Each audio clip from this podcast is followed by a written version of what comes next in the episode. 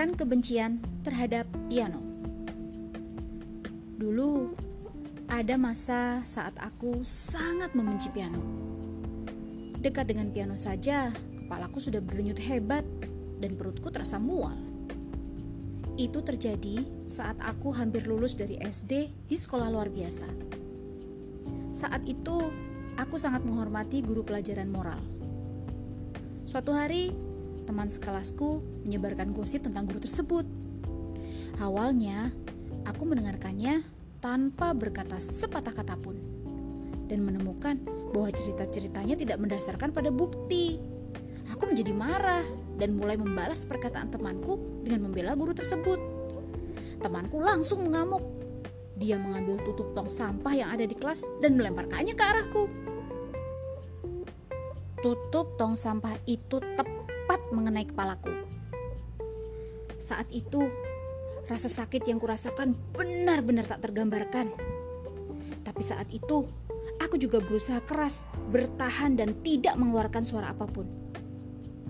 Sebentar lagi juga tidak akan merasa sakit, pikirku sambil mengusap kepala. Tapi keesokan harinya, saat pelajaran, kepalaku terasa begitu sakit. Bahkan, aku merasa sangat mual sampai memuntahkan semua makanan yang sudah kumakan. Guruku sangat khawatir dan langsung menghubungi rumah. Tidak lama kemudian, ibu pun tergesa-gesa datang ke sekolah. Ketika melihat wajah ibu, aku begitu lega sampai meneteskan air mata. Hi, ayo, ayo kita ke rumah sakit. Cepat. Ibu segera menggendongku menuju rumah sakit. Seiring waktu berlalu, Rasa sakit di kepala dan mualku semakin menjadi-jadi. Sepertinya semua ini gara-gara kepalaku terkena lemparan tutup tong sampah kemarin. Sesampai di rumah sakit, aku langsung mendapatkan pemeriksaan di berbagai tempat. Wajah ibu semakin lama semakin pucat. Setelah beberapa lama di ruang dokter, ibu keluar dengan ekspresi menahan amarah. Hari itu juga, aku harus dirawat di rumah sakit.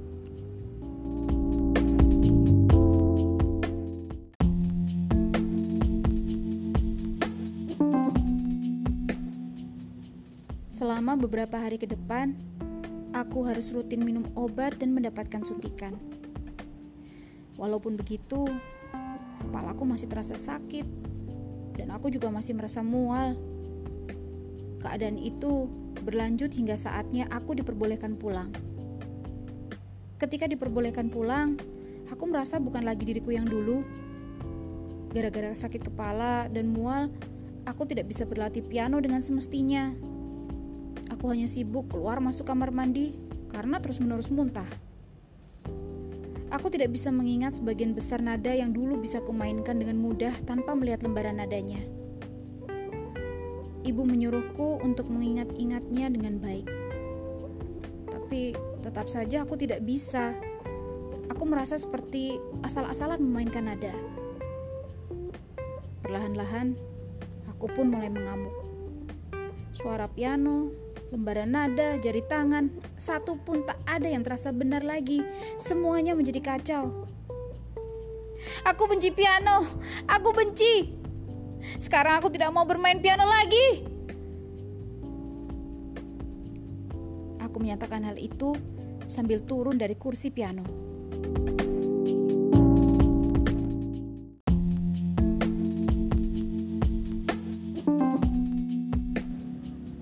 Dengan ekspresi tak percaya, ibu memandangiku tanpa berkata apa pun. Sambil berkata dalam hati, apa pun yang ibu katakan, aku tidak akan berubah pikiran. Aku langsung masuk kamar dan membanting pintu. Tak lama kemudian, ibu pun ikut masuk. Ya, kau sudah tidur? Aku pura-pura tidak mendengar. Iya. Ayo. Coba latihan piano sebentar saja. Kau baru sembuh dari sakit parah. Jadi, kau mungkin melupakan nada-nada yang biasa kau mainkan. Apakah kau sedih hanya karena itu? Aku tidak ingin menjawab ibu. Memikirkan piano saja, kepalaku begitu sakit sampai terasa hampir meledak. Aku merasa diriku bukan Lia yang dulu yang sangat menyukai Chopin. Aku tidak mengatakan apa pun, hanya bergumam dalam hati. Tolong jangan menyuruhku berlatih piano lagi. Aku sungguh-sungguh benci piano. Ber bermain piano sangat menakutkan.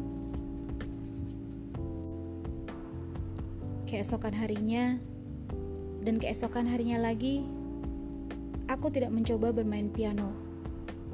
Aku tidak mau membicarakan piano, apalagi mendekatinya. Ibu yang sudah tidak bisa menahan diri lagi berkata padaku dengan kesal.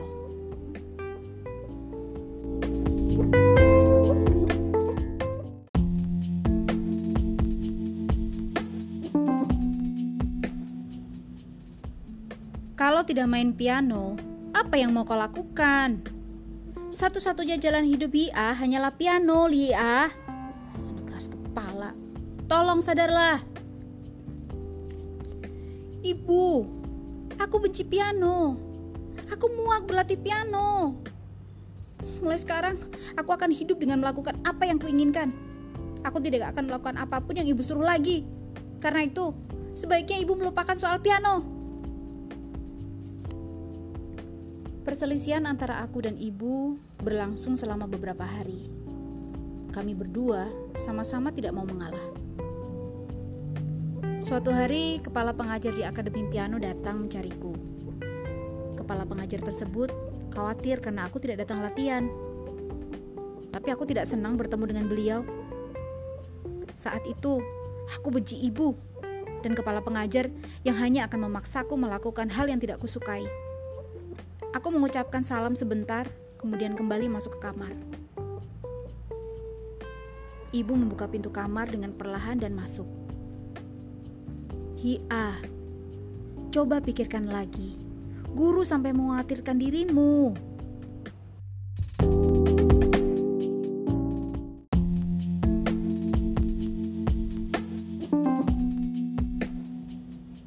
Mendengar ucapan ibu, aku spontan berteriak. Bagiku piano seperti mimpi buruk dan guru seperti nenek sihir. Aku benci semuanya. Aku juga benci ibu. Aku terus merengek seperti anak kecil. Aku benci dan kesal pada semuanya. Ibu pun akhirnya tidak bilang apa-apa lagi. Mulai dari hari berikutnya, aku berhenti berlatih piano dan tidak berangkat ke tempat kursus. Sepanjang hari, aku hanya bermain game dan chatting di kamar. Waktu terasa cepat berlalu ketika aku sibuk beraktivitas di depan komputer. Hari juga berlalu begitu cepat. Ibu tidak mengungkit-ungkit tentang piano lagi.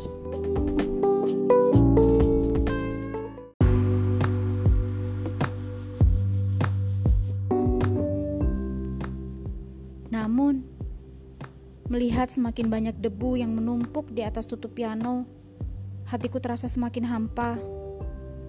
Tubuhku terasa sakit dan lelah karena aku yang terbiasa berlatih piano setiap hari sekarang tidak berlatih lagi. Gejala mual yang kurasakan pun semakin parah. Ibu yang tak tega melihat kondisiku seperti itu pun berkata, "Lia, kau tidak boleh seperti ini. Ayo kita ke rumah sakit lagi." Namun aku hanya menggeleng.